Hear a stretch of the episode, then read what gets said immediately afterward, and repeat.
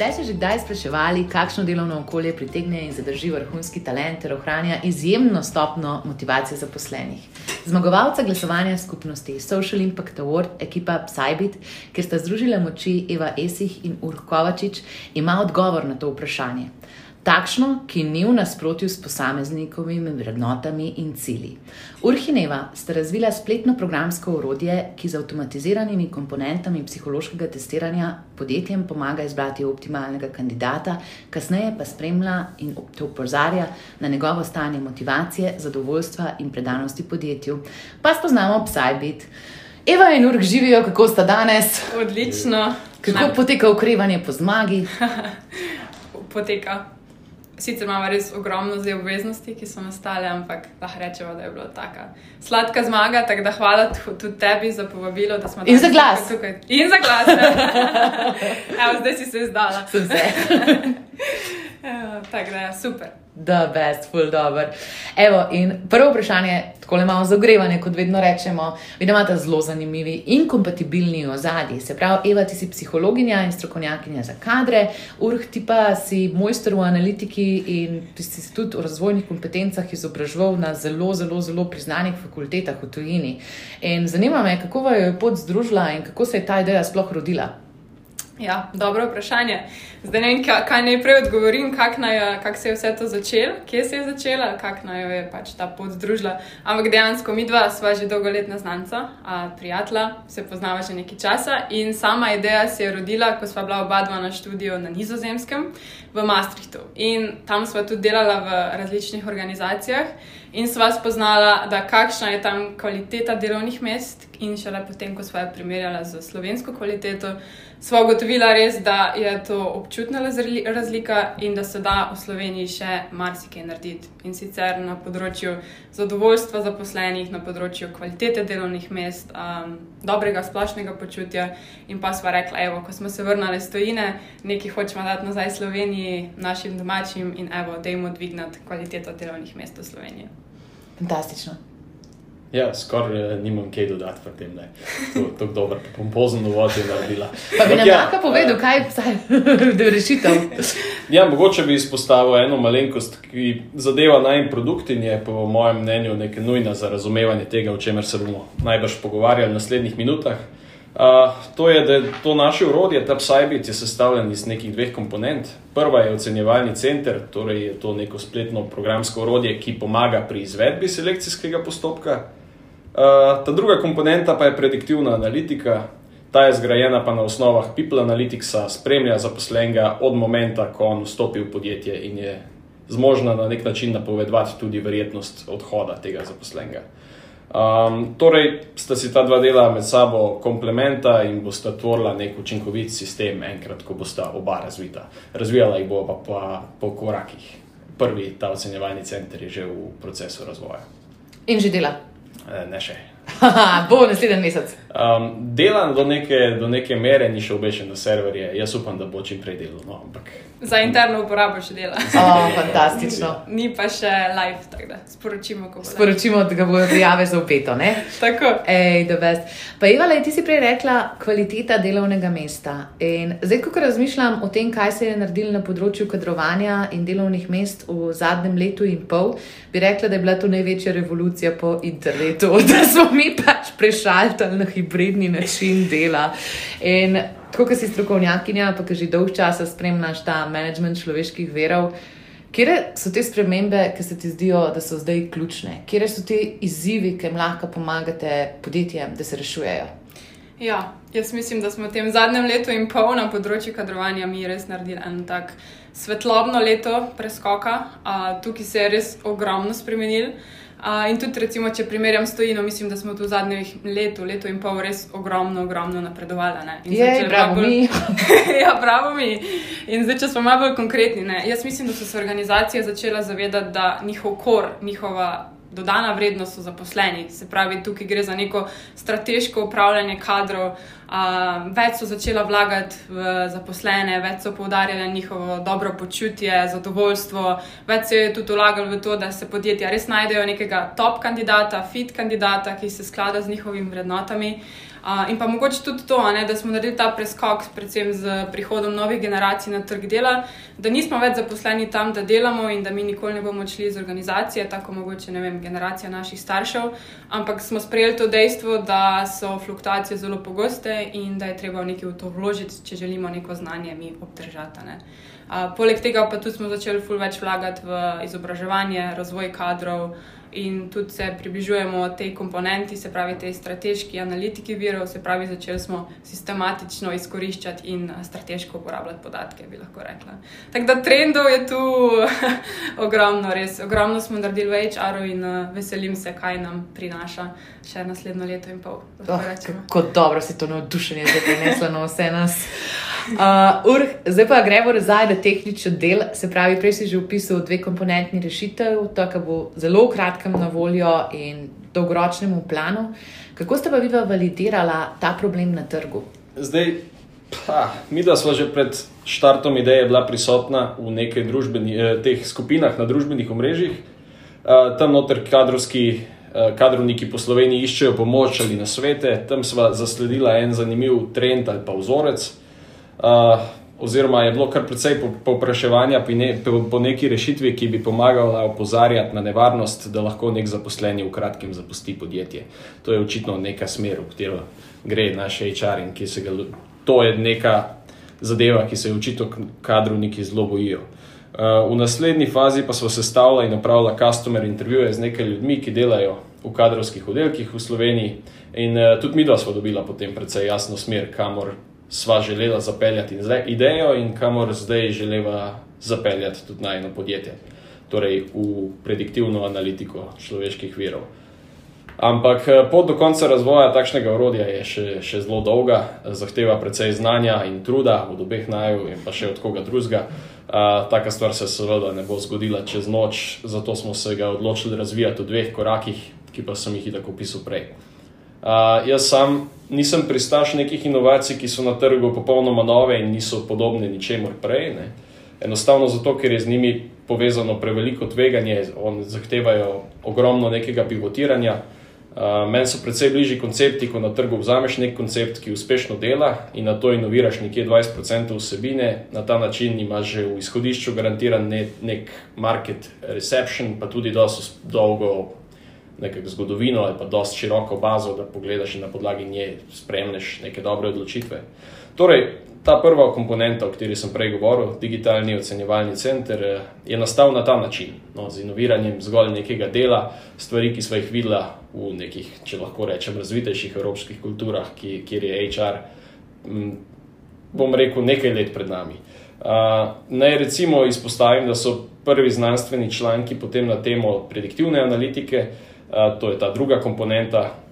Um, pa segajo prvi znanstveni članki šele v letu 2015. To pomeni, da smo pa tukaj na nek način pionirji in tukaj bomo pa inovirali 100%, oziroma v zelo velikem delu bomo pionirali, uh, inovirali rešitev, in uh, tukaj uh, nas čaka še pa ogromno težkih korakov v, v razvoju do konca te ideje.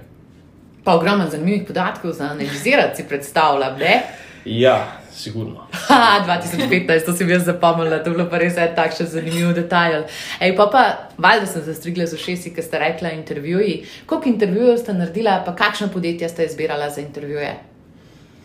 Ja, intervju je bilo kar nekaj. V bistvu lotila sva se tega, da po internih HR poznanstvih sva poiskala kadrovnike, predvsem specialiste, ki se ukvarjajo s selekcijo, ki delajo s kadri. In sva potem res iz čist različnih podjetij, iz majhnih, iz velikih, iz srednje velikih. Um, Tako da res sva tu res stopila na različne trge, seveda z željo inovirati in uh, olajšati delo HR-u. In tukaj sva zbrala, po mojem, nekje okrog 20 eh, intervjujev. Super, idealna cifra, točno to cifro sem hotela slišati. ja, nisva šla preveč, sva rekla, tako še lahko vedno dodavam, ampak ta 20 je bil začetek. To je popolno, to je popolno. Ej, pa tako, da imam že delo žglih v taki dobri formi, zdaj moram dati pa eno provokativno Uf. vprašanje. In kot psiholog boš po moje zdaj le tukaj le na prstih. Um, v glavnem, jaz sem kar nekaj tehnoloških podjetij v svoji mreži, ki pač tako za psihološko testiranje pošljajo 60 16 personality test. Pač tisto, ko dobiš unga strička no na koncu. A Ja, že veš, o čem se pogovarjamo. Okay. Ne, in zanimivo me je, se pravi, lej, pač tako nek kadrovnik, ki recimo, da ni najbolj sofisticiran v svojem psihološkem znanju, pa pač je tako slišal, da bi se bilo fajn psihološko testirati, pa tako malo pogugla, pa najde 16 personalities, pa reče to, to bom zdaj jaz okrog pošiljal. Uh, zakaj se kot strokovnjaki tebi ne zdi to ti prav pristop, in seveda me zanima tudi, kako je psaj biti drugačen. Ja, dobro vprašanje. A ne, a si, kjer, kjer komand, a si kakšen tip posebnosti poseben, Jaz? a niti nočeš Uf, vedeti. ne, Nočem, nočem.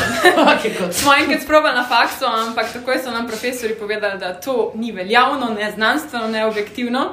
Tako da so nas že od vsega začetka učili, da v bistvu to je test, ki se zelo uporablja. In zakaj se uporablja? Zato, ker je lahko dostopen, ker je zastojen, ker dobri psihološki testi stanejo, so teže dostopni. Recimo, dostopni so samo psihologom oziroma nekomu, ki je izobražen. Ne? In v kadrovskih oziroma v organizacijah imamo tudi veliko ljudi, ki pač te teste izvajo, ampak niso po procesiji psiholog. In jaz verjamem, da je res, res težko prepoznati, zdaj ločiti dober od slab test, ker je malo morje testov. Ne. Tudi jaz, ko sem delala raziskavo, ko sem še delala študentsko, sem mogla narediti analizo testov in povedati, zdaj, kjer je dober. In priznam, jaz kot že psiholog, usposobljen za takšna dela. Res, tu je malo morja in uh, res težko se odločiš, kaj je dober in slab test. Ta test, um, ja, ni najboljši, ne bom več rekla, da se komu ne zamerim, ampak jaz ga ne priporočam za uporabo. Bi to rekla, da se res uporablja neke teste, ki so standardizirani, normirani in predvsem prilagojeni slovenski populaciji, če govorimo. ne. Zdaj pa mogoče o čem se Psybit razlikuje od tega testa.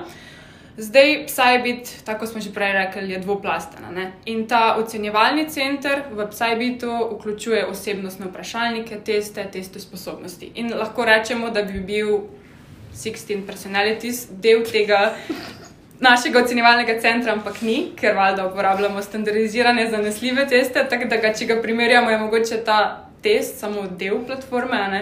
ker mi dva, tako smo že rekla, en je ta ocenjevalni center, kjer je pa najmanj fokus, je pa ta prediktivna analitika, spremljanje zaposlenih, spremljanje zadovoljstva, pre, pripadnosti podjetju, zavzetosti in pa valjda preprečevanje fluktuacij. Tako da lahko rečemo, da je ta test kaplja v morje, medtem ko psaj bi predstavlja neko veliko lužo. Eno celostno metodo, ne. Tako. Tako da zaključeno metodologijo. Pa, mislim, tako, zanimivo mi je, ko vedno rečete, pač, kaj je tista velika vizija vašega produkta, ampak jaz pač tako živim iz prakse, da že s tem malim delom, ki bo lansiran naslednji mesec, da izpolnjujete ogromno potrebo na trgu. ne.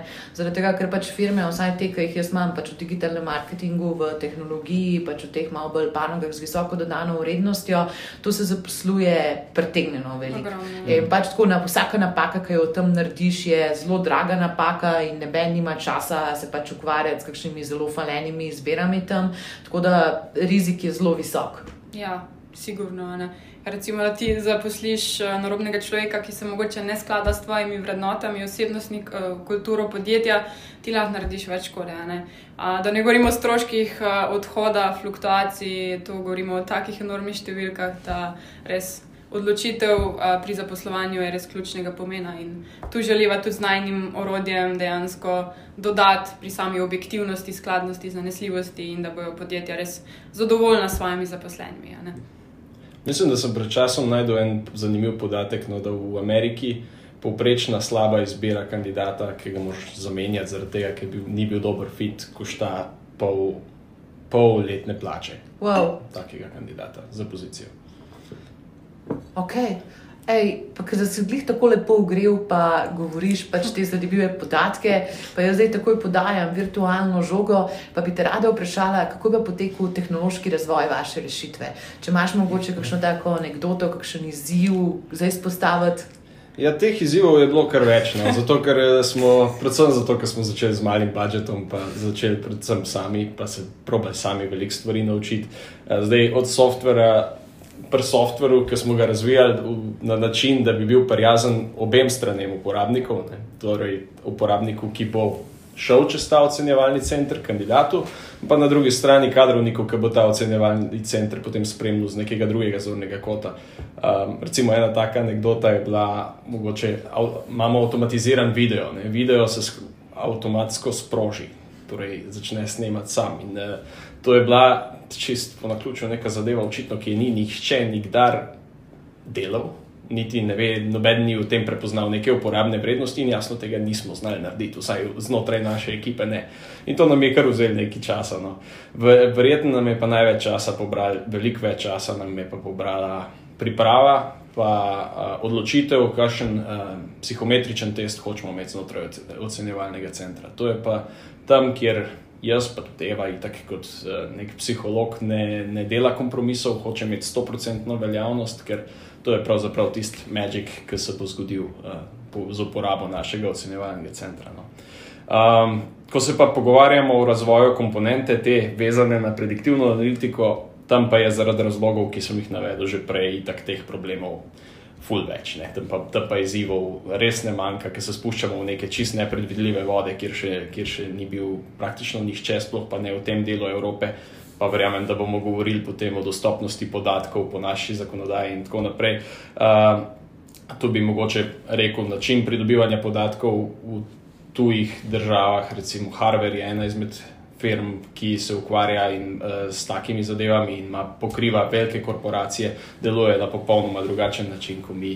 In, uh, tu so izzivi, ki bomo mi se soočali z njimi, in jaz upam, da bodo vse rešljive, tako kot, vsi rešljivi, tako kot so bili do zdaj. Uh, in malo kar pozitiven pogled na celo situacijo. A programiraš pa ti še vedno sam?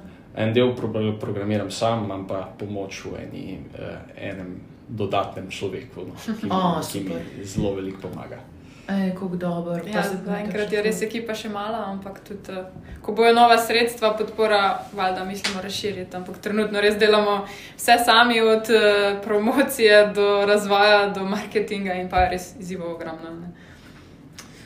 To se ne več naučiš na tej poti. Čez dve leti se bo ta teh trenutkov spomnila z veliko mero romantike in nostalgije. Verjamem pa, da zdaj le bi pa kakšno uro spanja več koristila. Ampak, lej, tudi za to bo še čas. Okay. Um, zdaj pa, glede na to, da smo danes tukaj le Social Impact Award, pa družbena odgovornost, pa socialna podjetja, Eva bi nam lahko na kratko razložila, kako je pa psaj biti tudi družbeno odgovorna, pa koristna ideja. Uh mhm. -huh. Ja, dobro vprašanje. Mogoče, ker res na prvi pogled zgleda, kot da to ni družbeno odgovorna ideja. Ne? Mi dva smo tudi dobila kak feedback od kakega prijatelja. Ja, kaj je po vajni ideji zdaj social. Tako da mogoče res nek ta prvi pogled se niti ne zdi, če ne, se ne ozremo v globjo v idejo in jo mal razčlenimo, ja. da slečemo kakšno plašče bule. Če pa mi začnemo to slačiti, pa pridemo res lahko zelo, zelo globoko in sicer.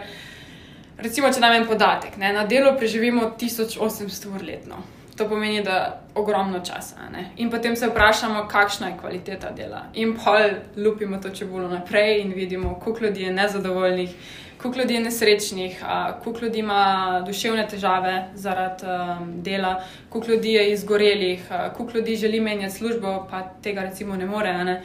Pa začnemo to lupiti, lupiti in vidimo, da naslavljava zelo, zelo, zelo velik uh, družben problem, se pravi kvaliteta delovnih mest, nezadovoljstvo na delovnem mestu. Uh, s tem ocenjevalnim centrom se dotikava tudi objektivne selekcije, ja. recimo ja. med spoloma, da je to res pravično, zanesljivo, enakopravno, da ima vsak zaposleni uh, res enako možnost.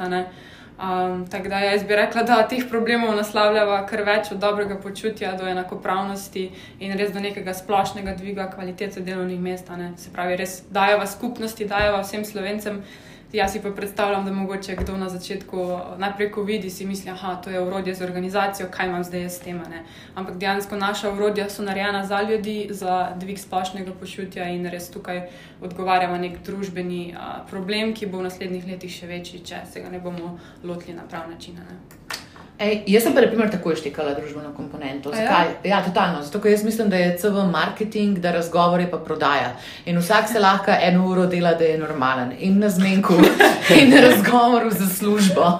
Tako da tokrat sem že videla, a veš, jaz sem ful pogosto pač delam tiste pomoči podjetjem za ožji krok razgovorov, pač uh -huh. za strokovne naloge in jaz zahtevam vse strokovne naloge imeti anonimizirane.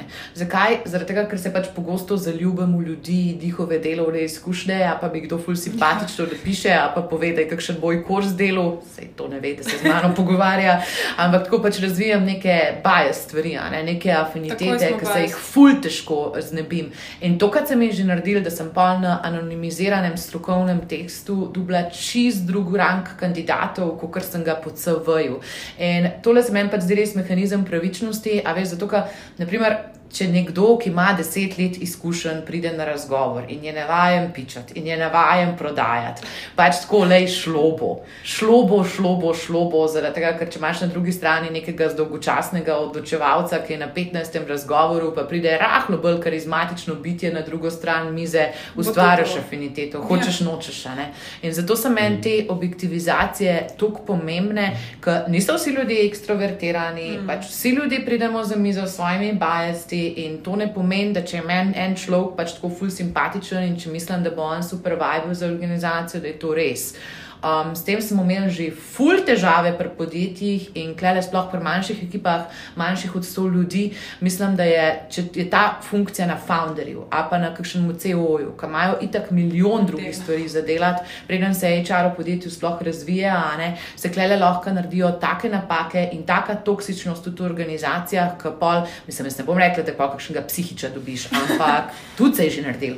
Um, in ja, zaradi tega sem jaz pač takoj, takoj, takoj, ko sem slišala vajo, da je pač rekla, to, to rabimo, ne bo več 60 personalities, pa bi neki drugega okrog pošili. ja, res ne, res želiva tudi vsem enake možnosti, ker tako si rekla, ne. pride mogoče nek introvert. Bo dobil kar slabšo oceno, ja. pa je mogoče po tehničnem znanju super, ali pa bi na določeno pozicijo pasel res odlično, mogoče celo boljš kot ekstravert, ki je zelo asertiven in si zelo samo zaupa, ampak dejansko vse vsi vemo, občutek prvega vtisa, ko dobi slab občutek nekoga, ki morda ne govori, ima zmeden, ok, ti si pa nekompetenten. Ne? In ravno tega se hočemo izogniti, izboljšati in dati priložnost vsakemu zaposlenemu. Ne, to pa ne, pa sploh, kader odločevalec ni profesionalen, ne čarovec, ampak je pač nek funkcionalen specialist, ki rabi pomoč, uh, ki mogoče nima vseh teh znanj. In te urodja so v takem kontekstu ful, ful, ful, ful, ful pomembna. Ajde, zdaj se pa mi malo pogovarjala o astrologiji. Ne, se veš, kje je naslednje vprašanje. se pa najljubše. ne, pole pa klele pač malo problem pač varovanja osebnih podatkov. Zaradi tega, ker te psihologije, pa psiholoških testov, le tako ljudje se jih malo bojimo. Tako malo nam je neprijetno, da bi kdo nam pač tako gledal v dušo, v srce in v možgane. Kako je pa v vaši rešitvi zagotovljena varovanje osebnih podatkov oziroma privatnost? Ja, to, to je logično, ne? da smo ljudje sploh v teh časih fully občutljivi na take zadeve. E, pa, kar se mene tiče, je tudi popolnoma prav. Ne? In tu moramo mi pristopiti na en tak koherenten način, da bomo e, tudi do ljudi da ne bomo v njih vzburjali nekega občutka, da pravzaprav so nek predmet izkoriščanja. No. Kar zadeva zdaj ocenjevalni center, smo postavili neko strukturo, tako da bomo kandidatu pred začetkom iz, izvajanja jasno pojasnili, za kak namen se bodo podatki shranjevali, kako dolgo se bodo shranjevali, tudi kdo bo imel. A, konec koncev pravico do njih dostopati. Um, strinjati se bo mogel kandidat tudi glede avtomatskega snemanja kamere, o, o katerem smo prej govorili, in podobnih reči. Tako da tukaj imamo stvari večkrat bolj razjasnjene in tukaj smo nekaj že uredili. Kar pa zadeva tisto drugo komponento, prediktivno analitiko, no tam se pa. Tudi z GDPR vidika spuščamo na neko čisto novo polje. Ne? In uh, tukaj je pa um, evropska zakonodaja je tu precej drugačna od ameriške, kjer neke people analytics stvari že laufajo na, na nekem nivoju, uh, tudi firma Harvard, na katero sem prej opozarjal. Če dam recimo nek konkreten primer, ne, da, da bo mečkam bolj zanimivo, um, obstaja način zbiranja podatkov. In eh, glede na podatek se pač odloč, eh, potem kaže, da je nek zaposleni bolj produktiven, ali manj produktiven, ali je bolj motiviran, ali ni motiviran. Tukaj imamo neke podatke, kot je recimo štempljanje, eh, ki prihajaš v službo, ki odhajaš z dela in tako naprej. V Ameriki imajo, recimo, grejo tako daleč, da imajo um, toplotne kamere, ki snemajo pisarne in dejansko opažajo, ali so ljudje nagnjeni nazaj, ali so nagnjeni naprej. Na podlagi tega uh, to vzamejo noter v, v svoje algoritme in znajo povedati, da je nekdo na podlagi tega bolj ali manj motiviran od dneva do dneva in ko vidijo, da je ta upad recimo velik, tudi na podlagi takih stvari, ker je to gibanje telesa naprej in nazaj. Uh, potem lahko podjetja urgirajo. No, evropska zakonodaja si lahko predstavljate, kaj ta zga ne omogoča. Ne? Tukaj, tukaj bomo um, mogli najti rešitve, ki so znotraj dela uh, te zakonodaje, um, pa bodo še zmeraj efektivne. Uh, ljudje morajo, kar je najpomembnejše, to, da ljudje morajo tak način obdelave sprejeti. Tu vidim največji izziv našega podjetja. Tu ne gre zgolj za, za shranjevanje informacij v njih, ampak predvsem tudi, da, da ankete, ki jih bodo dobili občasno, bo, bodo potrebne za izvajanje ankete, pa psihološki testi, pa take stvari, da jih zares rešujejo, zato ker verjamejo, da se bo njihovo delovno mesto s tem izboljševalo. Um, zavedava pa se, da so to zelo občutljive stvari, kar mislim, da je najpomembnejši del. No. Ne, sem super poudarek na interni komunikaciji, na internem marketingu, zaradi tega, ker če jaz pač imam feeling, da mi neka informacija da dodano vrednost in da se pač tako zaradi tega pač v timu bolj razumemo in bolj obnašamo. In če vidim, da tistih anket ne izpolnjujem, zaradi tega, ker pač bomo pišali še deset povodnikov, če jaz ne rešim, ampak da se potem res dogajajo neke spremembe in nekaj pozitivnega, po mojem, je ful stvar motivacije. Ja, ampak tu, tu pa je tudi na naši strani, da te vprašalniki niso predolgi. Ja da niso prepogosti, ker eh, ne hodimo konec koncev v službo zato, da bomo odgovarjali na neke vprašalnike v klimi. Ne. Tudi ljudem, ki so angažirani tam, gre na mhm. živce, če jih je preveč. Ne. Ampak so pač eh, zgolj eno izmed orodij. Jaz se trudim, da, da bi bilo tega čim manj. Ne. Ampak tu mogoče še en primer dal. Ne. V McDonald'su. Kjer, ki jih pokrivajo, recimo, velike te firme uh, iz področja People Analytics, se praktično vse da meriti. Na koliko sekund nekdo uh, izvede nek proces. In uh, ko imaš ti tak, tak mehanizem merljivosti, ne rabiš praktično nobenih vprašalnikov. Vidiš, kdaj nekomu pade motivacija, zauzetost in tako naprej. Um, ko pa tega nimamo in v slovenskih podjetjih, pa v regionalnih, pa v evropskih podjetjih, predvsem nekorporativnih podjetjih, eh, bi rekel, tega ni in tam se more pa kompenzirati z vprašalniki. Manj je merljivih stvari, več je vprašalnikov. Dobro. Um, ja, tako nekako. Ej, fuz, zanimivo. Ajde, Eva, lepo me pa fulj zanima, kje podjetja so zaenkrat izkazala največ zanimanja za vašo rešitev. Uh mhm. -huh. Ja, tu je bilo res ogromno različnih podjetij, ampak še vseeno lahko rečem, da je eno tak pet teh glavnih klastrov. Predvsem podjetja, ki fuldajo na samo inovativnost. Uh, A smo tehi, ja? Ne? Ja, na neko digitalizacijo kadrovskih rešitev, se pravi podjetja, ki uh, prepoznajo ta pain v bistvu, se pravi, da vejo, da si lahko s takimi urodji prihranijo ogromno časa in še povečajo svojo zanesljivost, točnost in ogromno denarja. Ne. Potem podjetja, ki se spopadajo z zelo veliko stopnjo fluktuacije, se pravi podjetja, ki jim odhajajo ključni kadri, ki sabo enostavno odnesejo preveč znanja in kompetenc, in ta podjetja vejo, da je treba ta kadre zadržati. Potem podjetja, ja, v bistvu, um, ki se ukvarjajo tudi z iskanjem in selekcijo zaposlenih, se pravi, kakšne rekruterske oziroma headhunting agencije, ki s tem delajo na dnevni ravni ne, in mogoče še ne uporabljajo nekih psiholoških testov, tu so ful prepoznali potencial v smislu samega tega ocenjevalnega centra.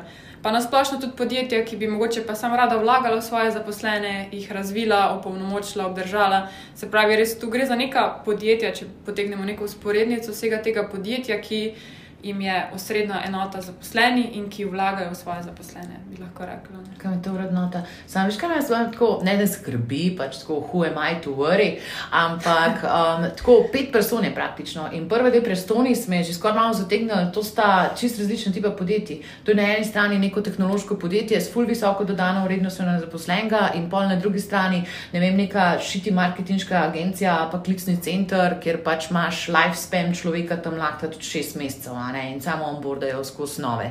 Um, tako da za te tipe podjetij bi bilo meni. Kot tržniku je strašno težko narediti nagovor, predstavitev rešitve, tako, kaj so benefiti, kaj je dodana vrednost. Se pravi, jaz si predstavljam, da zdaj to želite testirati malo čez beto. Tako. Res tu bomo poiskali, oziroma smo že res različna podjetja. Tudi bomo videli od podjetja do podjetja, kaj se vnese, kaj je treba podariti pri prodaji, pri samem trženju. Tu bomo verjetno tudi kakšnega specialista še za te marketinške kampanje uporabljali, ampak res tu je zelo različno je treba nagovarjati. Ampak, Ja. ja. če nagovarjamo mogoče splošno z večjimi podkomponentami, se podjetja potem najdejo v različnih. Ampak sam produkt, kar hočemo pa podariti, je res primeren za najrazličnejše organizacije. Za organizacije, ki nimajo HR-a, za organizacije, ki imajo zelo razvit HR, za, ljud, za organizacije, kjer jim ljudje odhajajo. Pač res sam produkt je tok um, v bistvu prilagodljiv naročnikovim željam, tudi se pravi potem pri pripravi algoritmov pri izbiri teh ocenjevalnega centra, da je res tu zelo velika personalizacija produkta in ga je mogoče krojiti po naročnikovih željah. ne. Mogoče pa iz tega tudi izhaja, da je res trg tu uh, zelo velika. Ne. Mm. Tako vidim, kind of dve poti. Ena je, da naprimer, če boste začeli v Sloveniji, da je pač tako anything goes in da je v bistvu ta širina person, ki si jih zdaj opisala, prednost, zaradi tega, ker drugače preveč zakleneš trg in pač tudi podjetje, a veš, ki ima eno neki, pa noče povedati ostalim in želi to biti za konkurenčno prednost, ker na koncu vsi konkuriramo za talente, kako že res pravijo. Po drugi strani pa tako, če greš globalno, je pa fokus na specializacijo oziroma da ti pogledaš, kje tip podjetja bo najbolj prišel čez beto in potem želiš dobiti. Še več takih -hmm. podjetij, tisto podjetje, ki ima radikalno visoko dodano vrednost od tega in pač najboljš vse interakcije s produktom. Tako da, ja, ej, ta pot bo zanimiva. Ja, sigurno. Obveščite nas. Bova, bova. Itak začela bomo v Sloveniji, uh, valjda, pa šla mogoče na regijo, uh, pa pa sem. Word is the limit, ali kako pravijo. Ja, pa bomo videli, kako se obrne. Se pa, če veš, na začetku neben popolno ne zadane Ja. te svoje persone. Sam pa me je pa res presenetilo, no, zakaj sem malo skočila noter v debato, pa je zato, ker sta dve tako radikalno značilni, mislim, različni personi, da imaš pač tržnički nagovor, pač v smislu, ne vem, izboljšaj zadovoljstvo svojih zaposlenih, postari najboljšo delovno mesto na svetu in izgubljaš denar, ker neben noče pri tebi postati, da jih zadrži. ja, ja, ja. Ja, Noro. Dejansko. Noro, ja, bomo videli, bomo izmerili vse, kaj se naredi. Ok, če. Um, zdaj pa urhlej, ti kot nek tehničen človek, pa prej smo se malo pohecali iz teh nagovorov, ampak pa vse vemo, da največjo borba je na področju tehnologije, pa tega numeričnega, analitičnega talenta. Um, kaj pa, naprimer, kot predstavniku te skupine, te pomeni tako skrb za zadovoljstvo in motivacijo zaposlenih? Tako, zakaj se ti to zdi pomembno kot nekdo, ki ima zelo naravoslovno ozadje? Zdaj, eh, skrb za zadovoljstvo in motivacijo zaposlenih eh, je, po mojem, ključna za to, da ni fokus druge. Ne. Če sploh v nekih intelektualnih službah, ki zahtevajo nek intelektualen napor, jaz upam si trditi, no, vsaj jaz, če bi imel fokus na drugih zadevah, kot je recimo nesoglasje v timu ali pa okolje, neprimer- neprimerno okolje za delo. Ne, Neprimerna kompenzacija, konc koncev. Ja. Uh, ne bi bil sposoben polnega fokusa posvetiti tistemu, za kar sem jaz ustvaril tam, in uh, najbrž ne bi imel efektivnosti podobne, niti podobne, kot bi jo- imel drugače. No. Tako da je zares pomembno, da se vse te stranske dejavnike poreže stran, kar dobro se jih lahko poreže, in da se nek človek lahko fokusira na zadevo, ki, v kateri je dober in za katero je konec koncev tudi v službi. No, to je. To je tok od mene, zakaj, zakaj mislim, da je to zelo pomembno, da je nekdo zadovoljen in uh, srečen na delovnem mestu. Je pa um, mogoče to še posebej za izpostaviti, ko pridemo do kakšnih tehnoloških podjetij. Ja. Um, tam, tam pa gre za podjetja, ki imajo ogromen know-how, Ja. ja. ki porabljajo ogromno časa, tudi resursov, za to, da neko, nekega človeka pripeljejo do točke, ko bo lahko podjetju zares pomagal. Zdaj, pred kratkim smo imeli sestanek z enim podjetjem, ki pravi, da ima težavo, ker porabi, so iz zelo specifične branže. Uh, in pravi, da rabijo nekje dve leti, da uvedejo nekega programerja do točke, da začne biti za njih zares uporaben. Ne. In zdaj, če primerjamo to z aktualnimi trendi, vemo, da dve, več kot dve leti marsikdo ne ostane v podjetju, te pa Ja. rabijo dve leti, da ga spravijo do tiste točke. Ne. In uh, tukaj uh, gre pa za ogromne izgube, uh, ki jih podjetja utrpijo na tak način, če jim po, potem po teh dveh letih nekdo zapusti kolektiv. Ne, in to, tega se hočejo podjetja, vsaj ta, ki smo mi z njimi govorili, izogniti. No. Um, da ne omenjam še tega, da je headhunting po teh ljudeh specifično znano. Strašen. in, eh, Kaj je to, obraten Tinder, LinkedIn je obraten Tinder. Ja. In da se jim ponuja glih to, da ne bazene zraven mize. Pa se pravi, na delovnem mestu te pa tako intelektualno obdrži, kaj je verjetno izziv, pa to, da si motiviran, da pač tako vidiš nek napredek, nek tvoj smisel, kaj delaš. Ja, absolutno. Ne, Ne bazen. Mislim, da, da toga, te, to absolutno more biti. Ne. Ampak še vsaj tako pomemben pa je, da ti nič ne gre ful na živce, po mojem. In da če ti gre neki ful na živce, da uspeš to na nek način skomunicirati in da tisti, ki lahko to rešijo, to rešijo. To je, po mojem, eden uh, glavnih problemov v marsikateri slovenski firmi. Lahko. Ja, zdaj, ko si rekel, se pa spomnim tako nekih karaok, pa nekih team buildingov, pa enih takih zadev, ko smo vsi sam drug drugega gledali, čudili, kdaj bo tega konc, jaz bi šla domov, ker so pač tako res firme mislile, da delajo dobro, da kao to vlagajo, ampak v resnici se da si po boju pač tri četrtem počutili. Gremo domov. gremo domov. Tako da, ja, tudi ta posluh, to, da pač lahko posameznik izraža želje, ful, ful, ful, ful, ful pomemben. Ja, ta kanal je v bistvu zelo, jaz mislim, da je ta kanal zelo važen.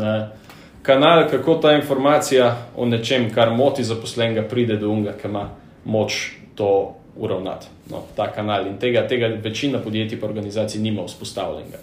Ja, tako da bi lahko rekla, da v bistvu Psybit še vzpostavlja nek kanal komunikacije med zaposlenimi in organizacijo. ne. Ja, to. Mm, ful, zanimivo. Nek the best. dodaten. Ok, in zdaj se šalimo na področju vznemirljive zmage, Social Impact Award. Kako ste se počutili? Se pravi, bilo je koliko 2000 glasovnic oddanih? Ja, mislim, da malo več kot 1500 nekaj takega. Aha, Ja. jaz se na gori, sem bolj optimistična. Um, ja, niso sicer povedali, koliko glasov smo mi dva dobila, rekla sem, da so zmagala, ampak ne bilo je ogromno število glasov danih. Uh, tudi se je videl po ogledu YouTube posnetkov, ker so bili naši videni, videi objavljeni. Tako da sama zmaga, ful je bilo znemerljivo, pa smo rabila kar par dni, da so vse prišla, ful smo bila valjda vesela. Uh, pa lahko rekla bi, no, da nam je ta zmaga res dala neko tako brco v rit, ker um, je vse ful hitreje steklo. Mi dva smo sigurna, da če ne bi bilo tega tekmovanja, mi dva še ne bi imela spletne strani. Mi dva verjetno ne bi imela tako hitro produkta razvidega, oziroma mogoče sam produkt še, ampak marketinga, pa social media se, se pa sigurno ne bi lotila. Ne. To smo vedno planirali za konec leta, ampak valjda, če je prišel predstavitveni video, vsaj bi ta ven septembra, ja pa nekaj bi bilo z nama narobe, da ne bi to izkoristila kot promocijo, kot začetek kampanje. Tako da, ja, rekla bi, da je to vse pohitrilo. Tako da smo res uh, ful hvaležna, počaščena tudi, da so ljudje v nama prepoznali potencial. Tako da, če nas kdo posluša, ko um, je tudi oddal glas za Psybit, se mu ful lepo zahvaljujemo. Uh, drugače pa tudi smo hvaležna vsem vodjem organizacij SIA, da nam je sploh zaupala v najno idejo in omogočila, da smo danes tu, ker smo. Da, Kdo bi pa vaš mentor? Najn mentor je bil pa Žiga Vaupotič. O, lepa, ful dobro. Poznaš? On je bil tudi gost, ja, ja, ja, ja seveda, seveda.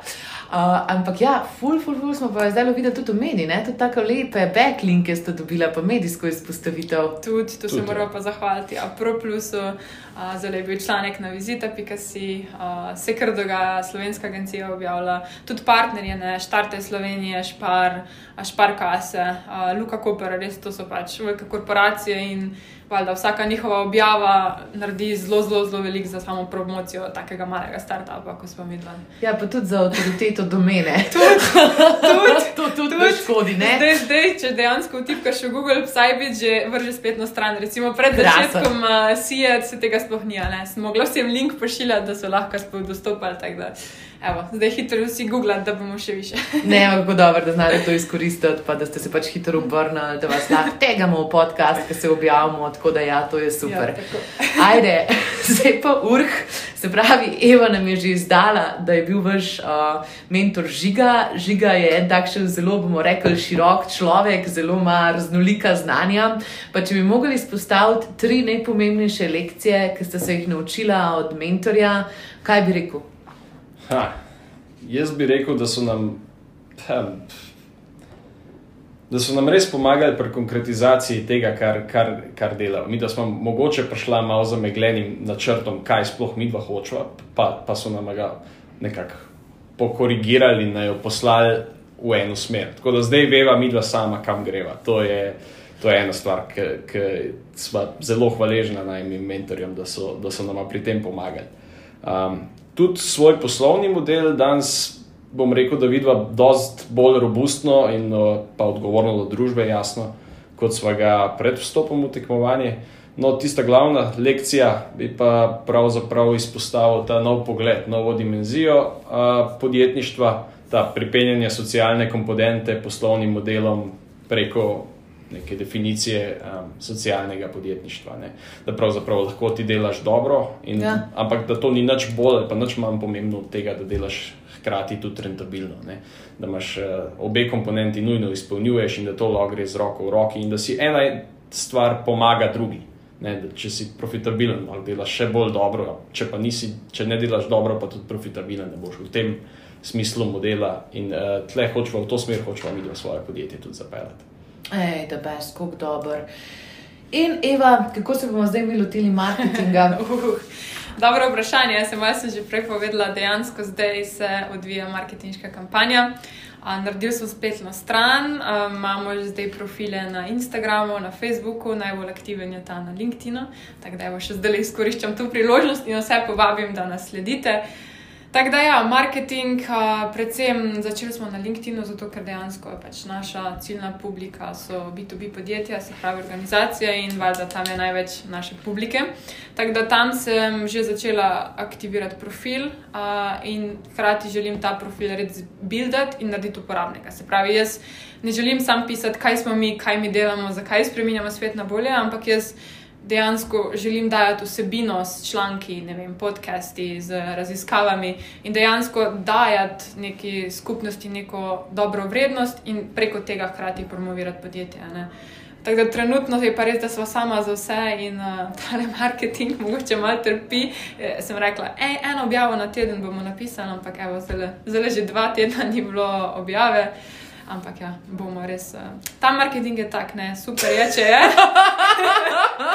Ampak hitro pa čas za njega zvanka. Ma ne, ma zdaj, ko so nekom prejeli počitnice, to se ne sekeri nič. Pač ja, to, to so te mrtvila zdaj, le, to je ful slabo iz vidika vsega. Tako da le, pač to je cilj, da imaš eno objavo na teden. Tako, ampak, ja. veš kaj bi jaz drugače v resnici naredila? A jaz bi naredila pač tako, kjer je firme od teh, ki imajo pod 100 zaposlenih, imajo največ job postov na moje delo, pa na LinkedInu in pa bi poiskala njihove HR-ovce in bi jih vprašala, kaj za evaluation, za psychology fit uh -huh. uh, uporabljajo in če bi bili pripravljeni preizkusiti rešitev.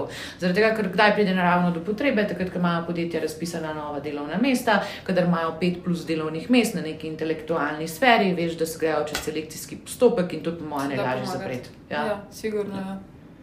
Easy job. Tako, hvala za statusi, seveda. Kaj prihaja, inovativnost prihaja iz lenobe. ne, to je pa moja tako ful, ful, ful logična stvar, zato ker pač kdaj rabiš to, takrat, ko zaposluješ. Kako veš, da ja. zaposluješ, takrat, ko ti pač spemajo tiste maile, ko kdo. Ja, išče. Mm. To je to. Ja, LinkedIn je zelo uporabno urodje. Ja, absolutno, jaz živim gor. Jaz se moram ustaviti, da ne objavim trikrat na dan. Um, Ampak bi ti za nami, kako objavim spisala? lahko, lahko spišem kakšen intervju, kakšen povzetek, lessons learned, te zanimive urhove statistike. to sem opal off podcast. Ma, jaz sem že ugotovila, da je to vzorc. Tako da na začetku pove nekaj splošnega, pa reče, ampak tukaj je zanimivost. Tako ful je dober struktura stavka, res mi je všeč. Dobro, da je Eva pozabila on moj debel fascinant cikl uh, člankov. The best, ej, full dobro.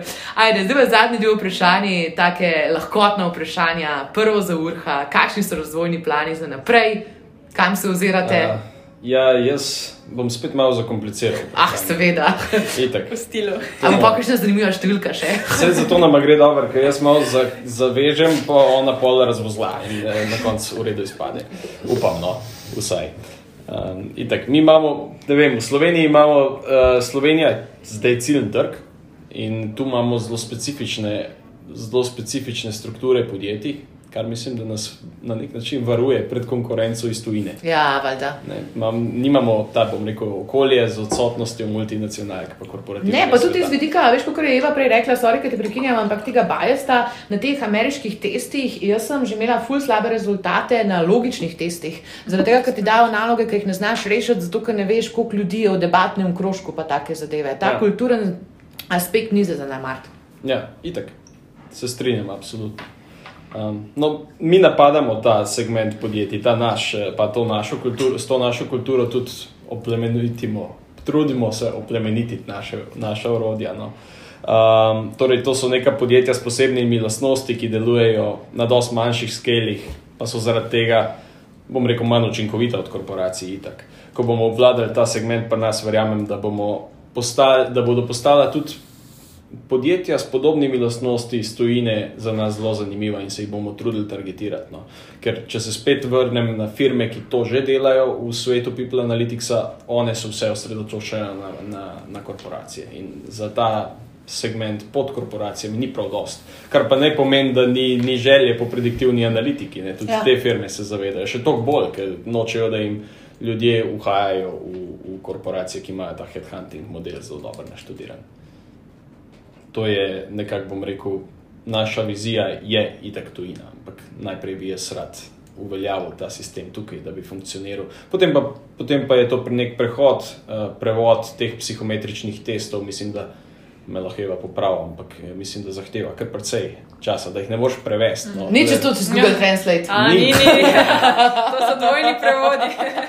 To traja. Pa prilagoditev na GDP. Ja, spet pa na kulturni vidik. Nekaj dela bo s samim prehodom, ampak ja, cilj je, cilj je definitivno tudi tujina. No, bom pa rekel, da mogoče pred, uh, pred severom, pa zahodom, mogoče bolj zanimiv mi balkanski trg, ker je podobno v razvoju, uh, podobno se prebuja neko zavedanje o tem, da je izguba zaposlenih lahko uh, precej draga za podjetja. Podobno so se direktori, moderni direktori začeli spraševati, ali je pomembno, da so moji ljudje zaposleni, ali je pomembno, da imamo dobro vzdušje. In jaz mislim, da vse več takih podjetij, no. tudi mod menedžeri moderne dobe na teh pozicijah, uh, mislim, da so vsi kar naklonjeni k tem uh, spremembam um, v HR smislu. Ja, trendi so absolutno. Po mojem, ima tu še ta balkanski trg še, še večji potencial. Slovenija. Ja. Pa spet smo dobili ruho tipičen vzorec. Se pravi, na začetku tako odgovor in pol na koncu eno tako stvar, ki jo zdaj še vedno prebleva. Usmeritev na balkanski trg. Ja, pa res. Mislim, kako res zanimivo razmišljanje, pa kako manj konkurenčen trg od tega, če bi rekli, da gremo zdaj naslednjo na Avstrijo. Ja, sigurno, ali pa v UK ali pa tam je res bi mogla imeti kakega investitorja v zadju, ogromno knowledge in vsega, da bi lahko konkurirala. Ne? A pa dobrega biznis developerja, ki dela na fajn provizijo. tudi res uh, ogromno kapitala, znanja človeškega, vsega, kar pride. Da, ja. Ja. Ampak uh, vizija pa absolutno ostaja. Ne? Smo še mlada, tako da imamo še, še čas, ampak začetek je tukaj, pa, pa bomo videli, kam bomo prišli s tem. Absolutno. In ker si že tako inspirativno navezala, je čas za zadnje vprašanje.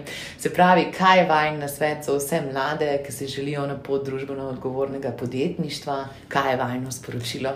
Evo, urh, jaz prepuščam besedo, ko si tu tako vizionar. Oh. Mogoče še bolj kot jaz.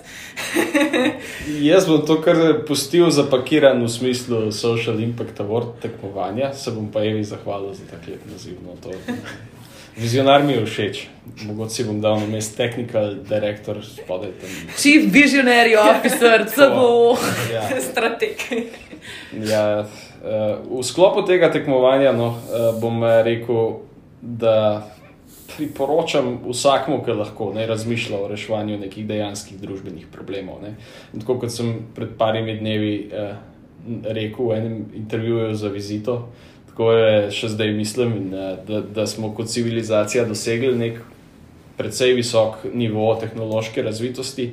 Uh, to pa še ne pomeni, da smo končali z vsemi družbenimi izzivi, ne, da ja. moramo se več proti čemer boriti. Uh, Meni se zdi, no, da so ljudje v razvitih družbah kljub vsemu dnevno soočajo z podobnim obsegom težav, samo da so te težave še dosti teže za odkriti, pa še teže za pojasniti. No.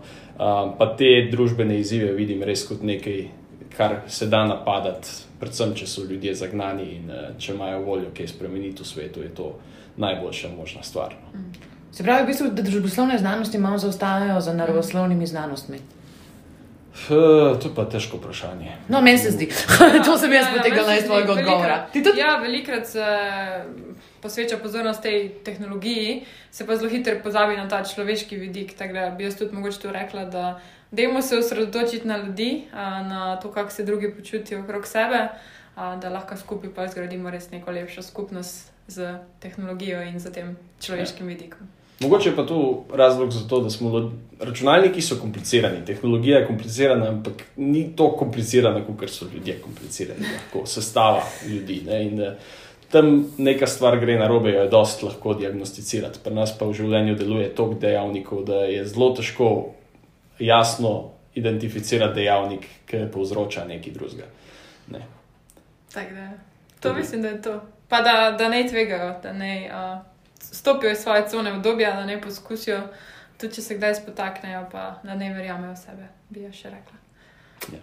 Oh, kako lepo. Zdaj smo pa končali s takimi metulčki, porožicami. Lej, še enkrat čestitke za super proizvod, za super rešitev, za fantastično energijo, povezijo, ki ste jo razvila. Jaz kome čakam, da gremo lahko z vsemi mojimi obeto, tako da definitivno nam sporočite, kdaj lahko pridemo prav. Hvala. Hvala. Da, vest. In srečno še naprej, lepo bote. Hvala, ker ste nas poslušali. Hvala za povabilo. Hvala. To epizodo smo posneli v sodelovanju s Slovensko agencijo za mlade, ki v Sloveniji izvaja projekt CIA Social Impact Award. Namen projekta je podpreti in dodati vidnost najboljšim socialnim in družbeni odgovornim podjetjem v Sloveniji, ki jih ustvarjajo mladi. V prvem letu izvedbe je program dosegal 4523 mladih po Sloveniji, preko 20 tisoč ogledov videoposnetkov finalistov in več kot tisoč oddanih glasovnic v glasovanju skupnosti. Tudi jaz sem glasovala, seveda. Spremljajte si ja Instagram profil, ki je linkan pod to epizodo, da boste obveščeni o vseh prihajajočih dogodkih, dogajanju strani trenutnih finalistov ter seveda o prijavah za naslednjo leto, ko lahko zmagate prav vi.